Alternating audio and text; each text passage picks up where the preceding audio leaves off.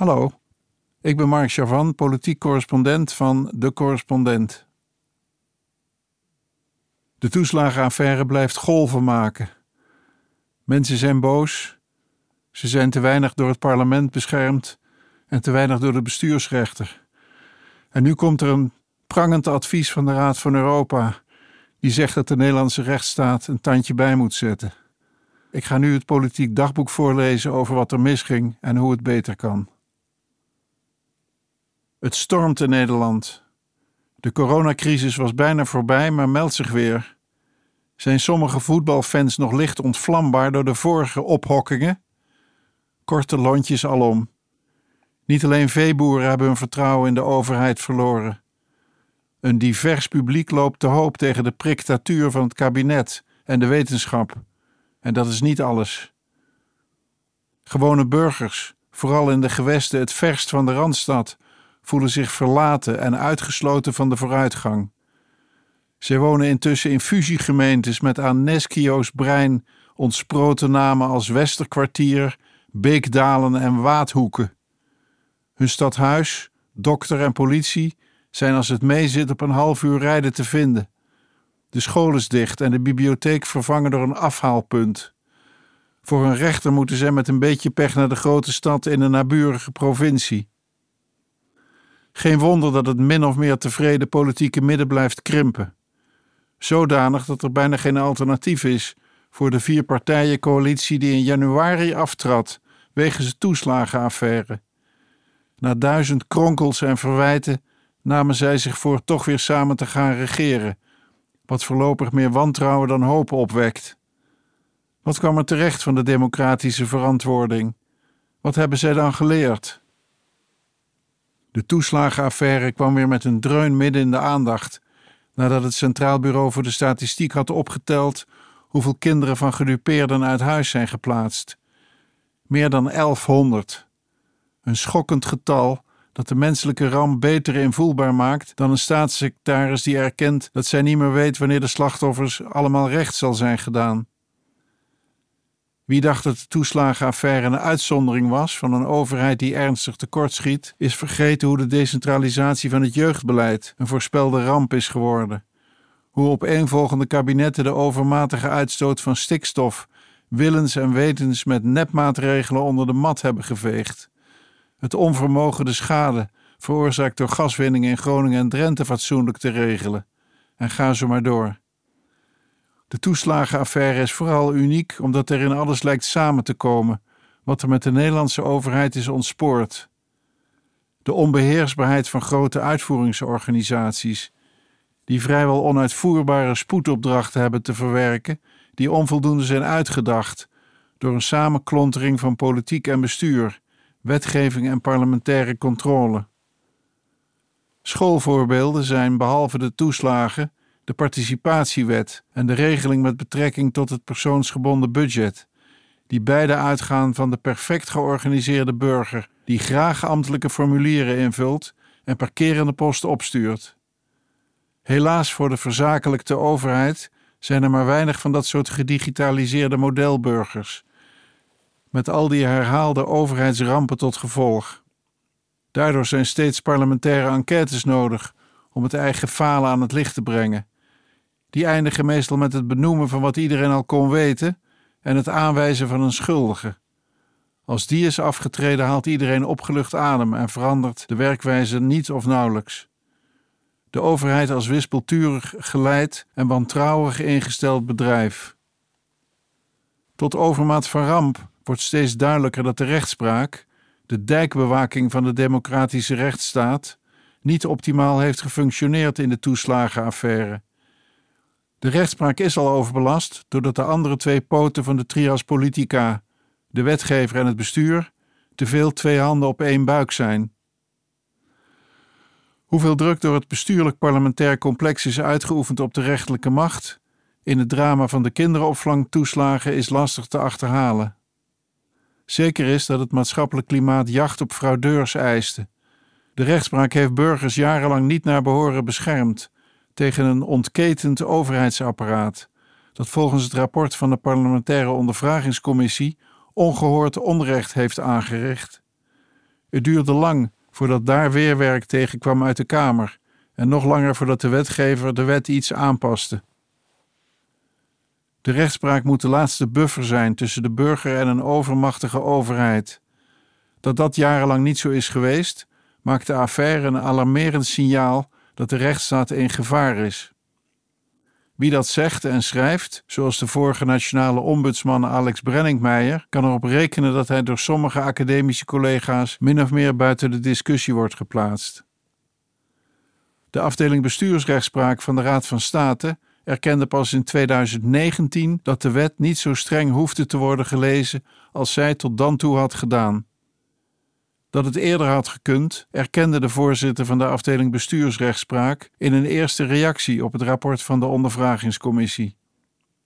De landsadvocaat schreef al in 2009 dat de wet matig en redelijk kon worden gehanteerd. Zijn advies werd op één strenge zin na genegeerd en zoek gemaakt.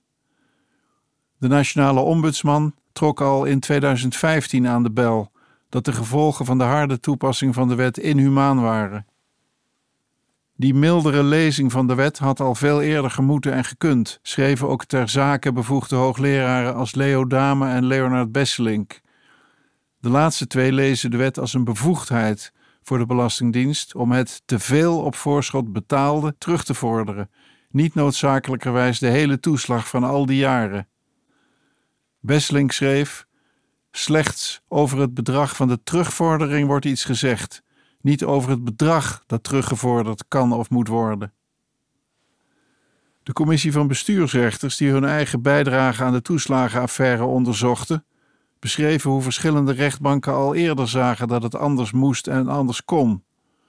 Het wachten is nu op hoe de afdeling bestuursrechtspraak van de Raad van State eind november gaat uitleggen waarom zij tot 2019 volhield dat er geen andere dan een strenge lezing van de wet kon zijn en waarom dat na 2019 opeens wel kon. Voor beide standpunten waren kennelijk juridische argumenten aan te voeren. Dan zijn het waarschijnlijk maatschappelijke of gewijzigde politieke overwegingen die de omslag bij de hoogste bestuursrechter veroorzaakten. Als dat zo is, na zoveel jaren leed bij duizenden gedupeerden, dan wordt daarmee bevestigd dat de rechters bij de Raad van State ver van de praktijk staan. Wij zien het topje van de ijsberg, schrijft voorzitter van Ettenkoven in zijn reactie op het harde oordeel van de parlementaire ondervragingscommissie. De toeslagenaffaire is niet de schuld van één staatsmacht of instelling. Het lijkt meer een kettingbotsing van mensen en instanties die hun verantwoordelijkheid onvolledig hebben genomen. Den Haag en de rechtspraak bleven bezig met algemene noties en hadden te weinig zicht op de werkelijkheid. Het is maar de vraag of dat aan het licht was gekomen, zonder de niet aflatende vragen naar de feiten van de Kamerleden Leijten en Omzicht en de journalisten Klein van RTL en Klein Nijnhuis van Trouw. De gedupeerden zijn nog lang niet allemaal geholpen. Het lek in de rechtsstaat is langzamerhand in volle omvang in beeld. Op voorstel van Pieter Omtzigt, destijds nog bij het CDA, vroeg de Tweede Kamer de Venetië-commissie van de Raad van Europa om een oordeel over het hele complex.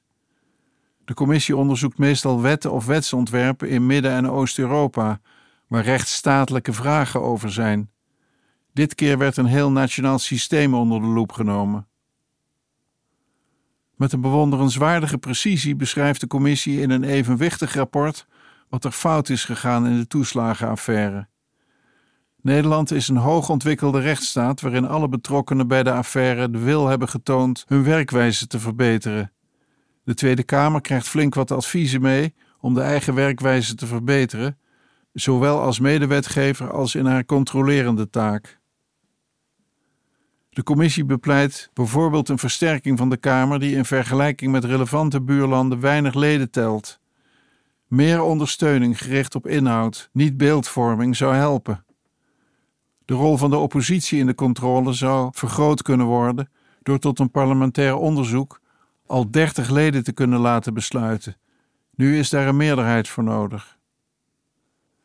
De Venetië-commissie formuleert in verschillende elegante bewoordingen dat het vooral gaat om de juiste rolopvatting voor leden van het parlement en de regering, en voegt er praktische wetgevingstips aan toe zoals het inbouwen van regelmatige checks of de beoogde doelen wel worden bereikt, plus het opnemen van op maat gesneden uitzonderingsmogelijkheden in de wet. Voor serieuzere omgang met de adviezen van de nationale ombudsman is politieke wil nodig, schrijft de commissie. Ze prikt ook door het veelgehoorde Rutte-argument heen dat persoonlijke opvattingen van ministers of ambtenaren niet bij de vrije informatievoorziening van de regering aan het parlement horen.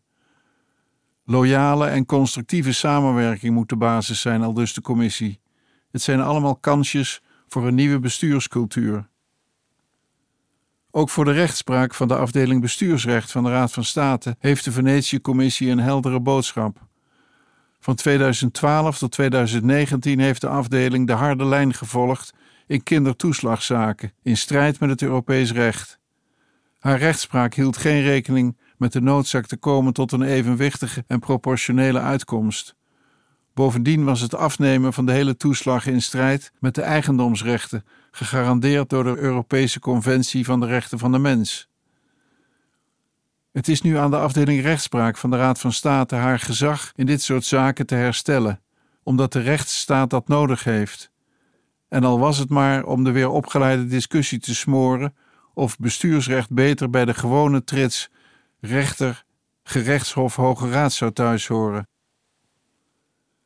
Gekozen politici in de Kamer en vooral zij die betrokken zijn bij de kabinetsformatie kunnen met dit advies uit Venetië aan de slag om de noodzakelijke onderhoudswerkzaamheden aan de praktijk van de rechtsstaat te verrichten.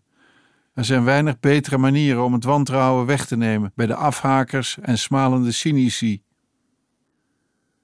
Voor de gemarginaliseerde buitengewesten van het land is meer nodig.